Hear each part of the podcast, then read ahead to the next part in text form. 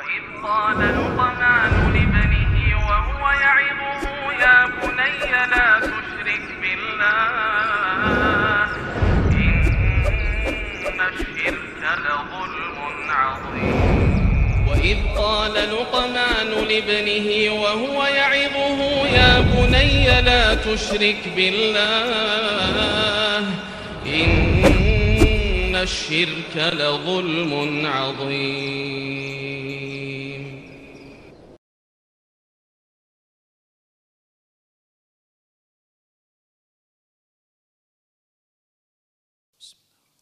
السلام عليكم ورحمة الله وبركاته. إن الحمد لله نحمده ونستعينه ونستغفره. ونعوذ بالله من شرور أنفسنا وسيئات أعمالنا. من يهده الله فهو المهتد ومن يضلل فلن تجد له وليا مرشدا. أشهد أن لا إله إلا الله وحده لا شريك له وأشهد أن محمدا عبده ورسوله الذي لا نبي بعده. وقال الله سبحانه وتعالى يا أيها الذين آمنوا اتقوا الله حق تقاته ولا تموتن إلا وأنتم مسلمون. يا أيها الذين آمنوا اتقوا الله وقولوا قولا سديدا. يصلح لكم أعمالكم ويغفر لكم ذنوبكم. ومن يطع الله ورسوله فقد فاز فوزا عظيما. يا أيها الناس اتقوا ربكم الذي خلقكم من نفس واحدة وخلق منها زوجها وبث منهما رجالا كثيرا ونساء واتقوا الله الذي تساءلون به والأرحام. إن الله كان عليكم رقيبا. أما بعد إن أصدق الحديث كتاب الله. وخير الهدي هدي محمد صلى الله عليه وسلم وشر الأمور محدثاتها وكل محدثة بدعة وكل بدعة ضلالة وكل ضلالة في النار Ma'asyar muslimin rahimani Allah wa iyyakum para pemirsa Rosat TV dan para pendengar radio Medan Mengaji dimanapun Anda berada Alhamdulillah sore hari ini kita kembali bersua dalam rangkaian acara uh, fatwa seputar anak. Di kajian lalu kita telah bahas uh, salah satu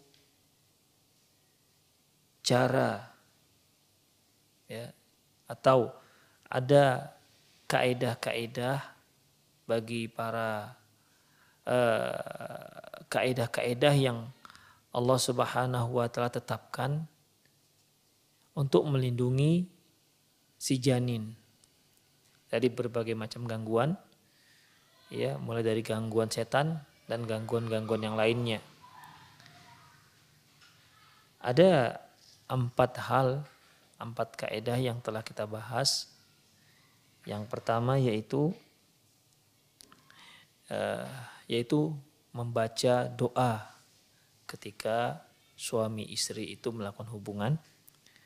Kemudian syariat memerintahkan untuk membunuh hewan-hewan berbisa yang dapat uh, memudorotkan si janin seperti hewan yang disebutkan dalam hadis yaitu Lutufyatain yang memiliki dua garis di punggungnya, ular yang memiliki jenis ular yang memiliki dua garis di punggungnya. Karena kata beliau ular ini dapat menggugurkan uh, kandungan sang ibu. Demikian juga ular abtar yaitu yang ekornya pendek.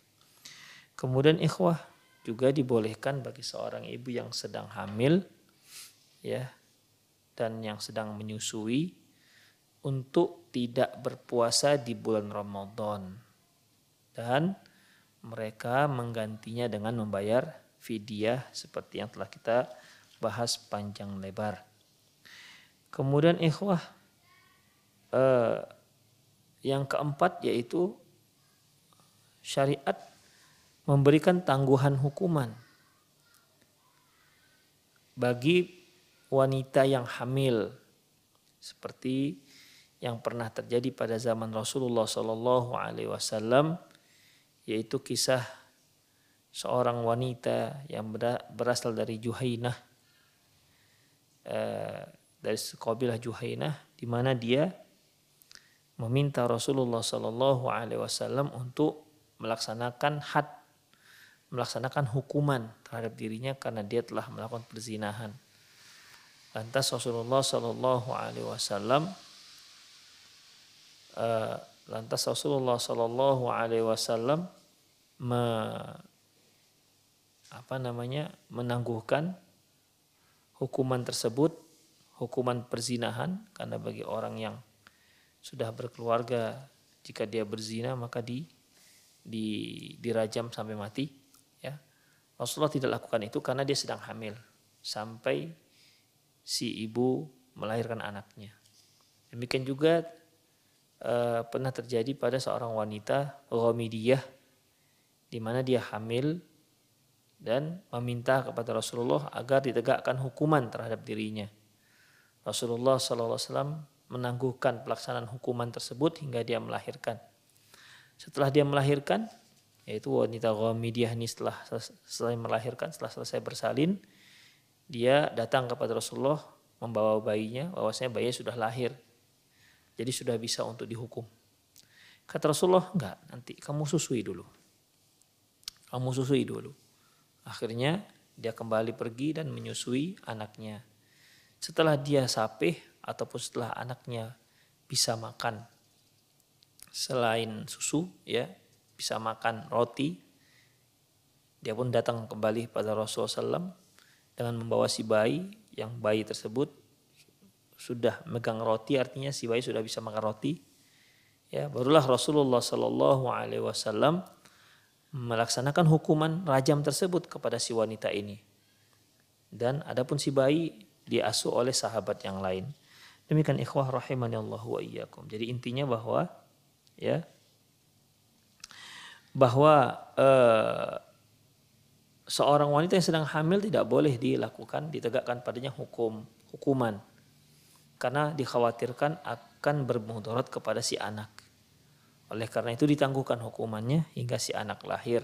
Bahkan hingga si anak tidak menyusui lagi dengan ibunya.